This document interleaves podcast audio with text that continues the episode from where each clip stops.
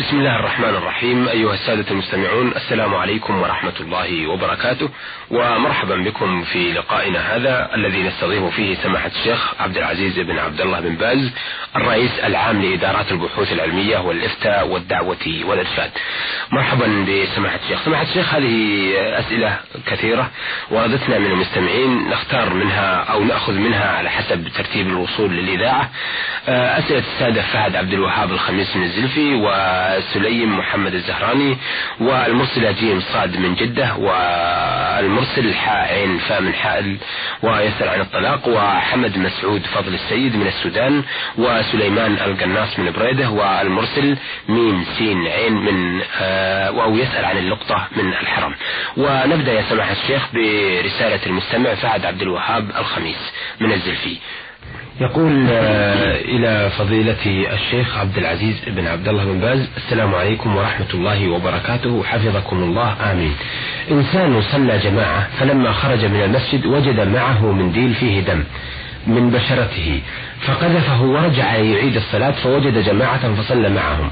هل إذا حصل مثل هذا عليه إعادة الصلاة أم لا؟ أفيدون جزاكم الله خير ولكم منا جزيل الشكر ونرجو لكم التوفيق إن شاء الله تعالى. إذا صلى الحمد لله والصلاة والسلام على رسول الله وعلى آله وأصحابه ومن اهتدى بهداه أما بعد إذا صلى الإنسان رجلا كان امرأة ثم بعد الفراغ وجد في منديله دما أو في ثوبه دما أو في سراويله دما أو غيرها غير ذلك من النجاسات.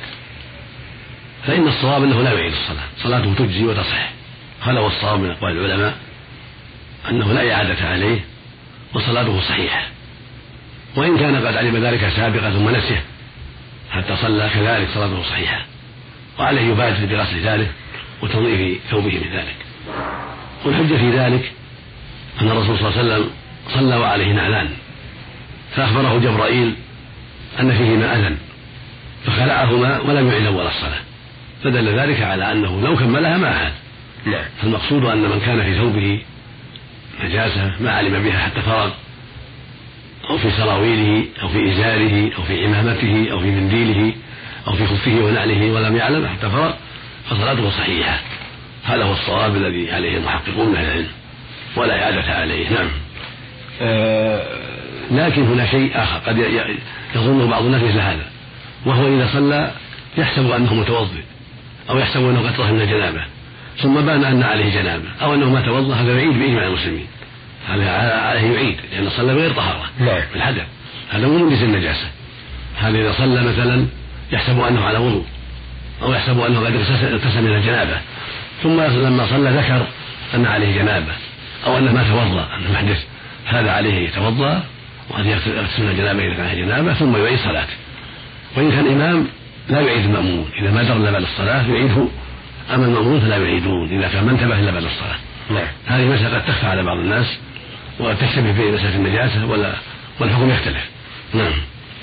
آه هذه رسالة من آه أيضا سليم محمد الزهراني بعث بها يقول قبل مدة من الزمن قد تزيد عن السنة وفي منطقة معينة وكان لي زملاء فقلت لهم إن حصل لي كذا وكذا فلكم علي أن أذبح لكم ذبيحة بهذا اللفظ.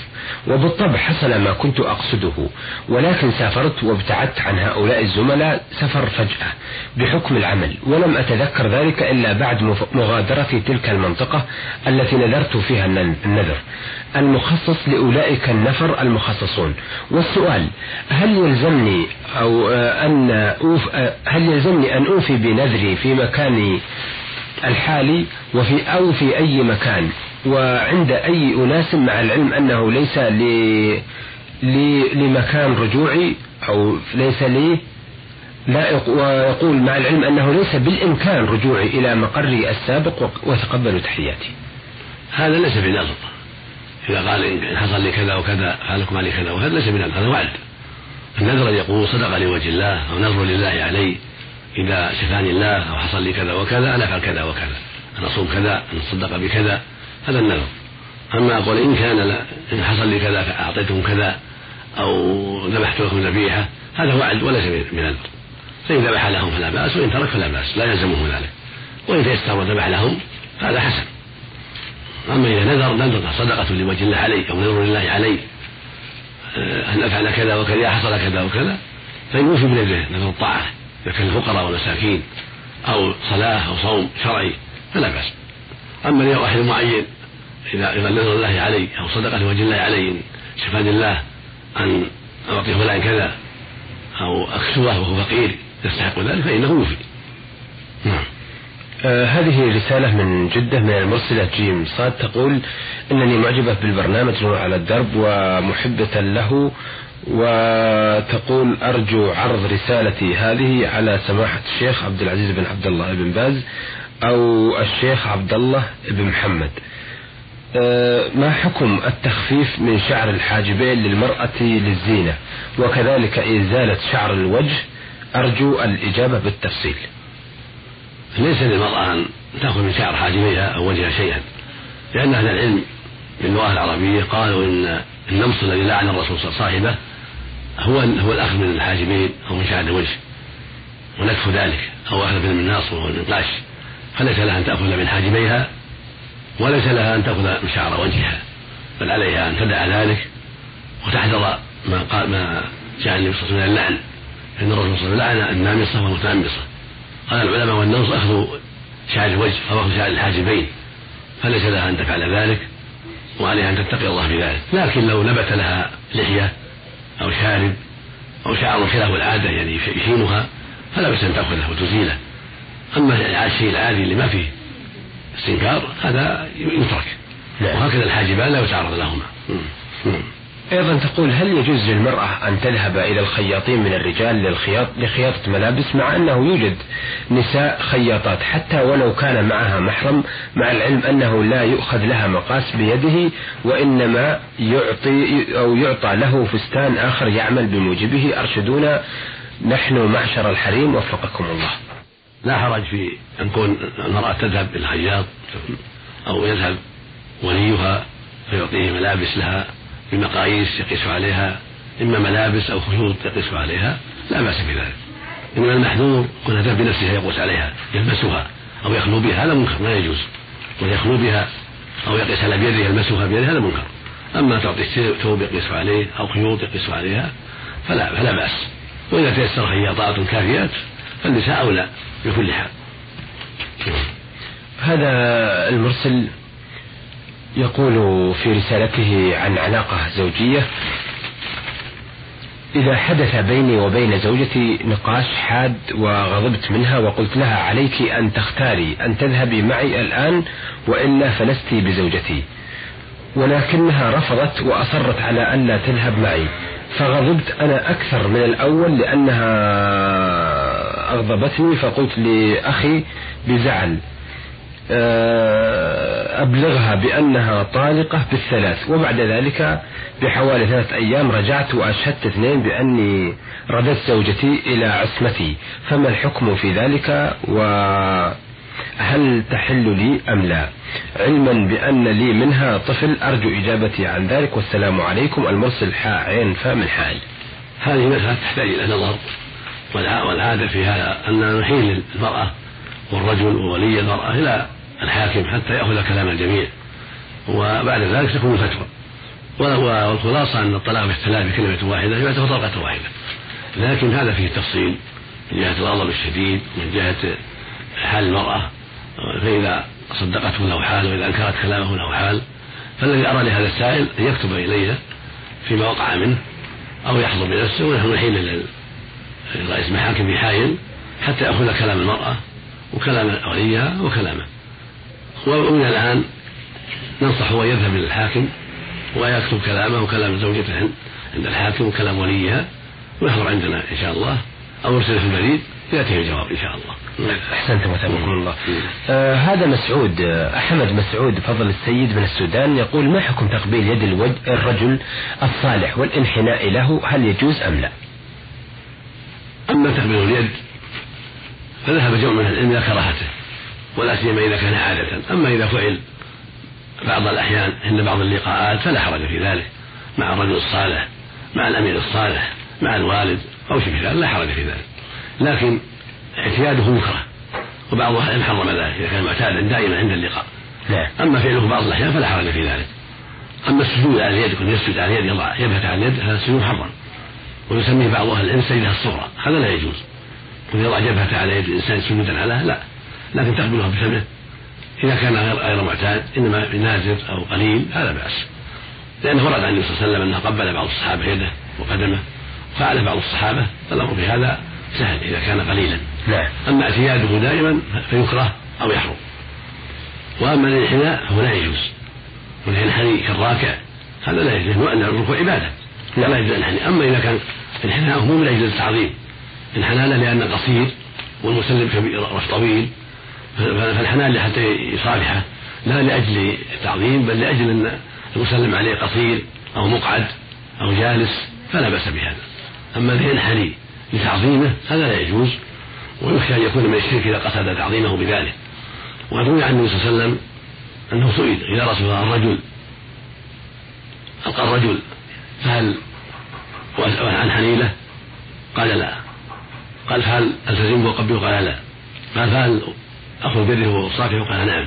وإن كان في سنده ضعف حديث ضعيف الإسناد؟ لكن آه، ينبغي العمل به لأن الشواهد الكثيرة تشهد له في المعنى. والأدلة كذلك تدل على أن الانحناء والركوع للناس لا يجوز. فالحاصل أنه لا يجوز الانحناء أبدا لأي شخص لا للملك ولا غير الملوك ولكن إذا كان الانحناء لا لأجل التعظيم بل لأجل أن المسلم عليه قصير أو مقعد أو جالس فالحناء ليسلم عليه فلا بأس بذلك. آه، أيضا يقول آه، حمد مسعود فضل السيد من السودان هل يجوز السلام على الجالسين في المسجد قبل تحية المسجد؟ وجزاكم الله خير. نعم إذا دخل المسجد وأتى الصف يقول السلام عليكم قبل أن يبدأ الصلاة السلام عليكم على الحاضرين ولو كانوا يصلون والمصلي يرد بالإشارة يشير بيده كالمصافح يرد بالإشارة كما فعله النبي عليه الصلاة والسلام. ثم يكبر لتحية المسجد يصلي تحية المسجد. نعم. آه، من سليمان القناص من بريدة بعث هذه الرسالة يسأل فيها عن جلد الثعلب. يقول السلام عليكم ورحمة الله وبركاته. وبعد هل جلد الثعلب حرام؟ وهل يجوز اقتناؤه لزينة؟ أفيدونا جزاكم الله خير وشكرا. في الحقيقة أننا اهتمينا من هذا الموضوع لأن كثرة الجلود الآن تباع في الأسواق وهي مختلفة لأنواع من السباع وغيرها. فيها خلاف كبير بين أهل العلم جلود السباع جلود الثعلب والذئب والنمر. فيها خلاف بين أهل العلم كثيرا والذي ينبغي ألا يقتنى وألا يستعمل. لأنه جاءت أحاديث تدل على النهي عن جلود السباع وعن افتراشها وعن ركوبها وسمى النبي صلى الله عليه وسلم الدماغ طهارة زكاة فدل ذلك على أن الدماغ إنما يكون لما يطهر بالزكاة كما كل اللحم من الإبل والبقر والغنم ونحو ذلك. فهذه جلودها طيبة ولو ميتة إذا دبغت أما السباع فهي نجسة ولو ذبحت تجسة فلا فلا يؤثر فيها الدباغ فالذي ينبغي للمؤمن ألا يستعمل جمل السباع لا الثعلب ولا غيره. وهذا هو أرجح القولين أرجح الأقوال لأهل العلم وهو أحوطها للمؤمن. نعم. هذا يسأل عن اللقطة. يقول لقد قمت بأداء فريضة الحج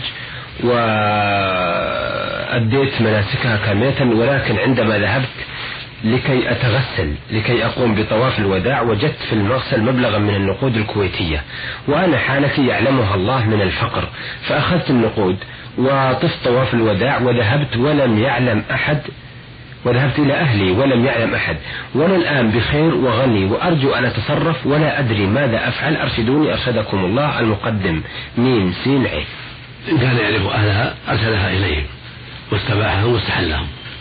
وإن كنت أيها السائل لا تعرف أهلها فإن عليك أن تصدق بها على فقراء مساكين بالنية عن صاحبها. والله يغفر لنا ولك مع التوبة والإنابة إلى الله سبحانه وتعالى وعدم العودة إلى مثل ذلك. فالواجب عليك أن تعرفها ذاك الوقت وتنادي عليها من له النقود من له النقود من له النقود. ثم إذا أن تجدها سلمتها للمسؤولين مكة عن اللقطات أما الآن وقد طال الأمد فعليك أن تصدق بها عن صاحبها. مع التوبة والاستغفار وصاحبها ينتفع بها ويؤجر عليها ولا شك أن هذا هو الطريق الآن إلى براءة ذمتك وما أحسنتم وثابكم الله إلى هنا أيها السادة ونأتي على نهاية لقائنا هذا الذي استعرضنا فيه أسئلة السادة فهد عبد الوهاب الخميس من الزلفي وسليم محمد الزهراني والمرسلة جيم صاد من جدة وتسأل عن أخذ شعر الحاجبين والمرسل حاء عين فاء من حائل ويسأل عن الطلاق وحمد مسعود فضل السيد من السودان وسليمان القناص من بريدة والمرسل ميم سين عين ويسأل عن اللقطة من الحرم. آه، استعرضنا هذه الأسئلة والاستفسارات على سماحة الشيخ عبد العزيز بن عبد الله بن باز الرئيس العام لإدارات البحوث العلمية والإفتاء والدعوة والإرشاد. شكرا لسماحة الشيخ عبد العزيز وشكرا لكم أيها السادة وإلى أن نلتقي بحضراتكم نستودعكم الله والسلام عليكم ورحمة الله وبركاته.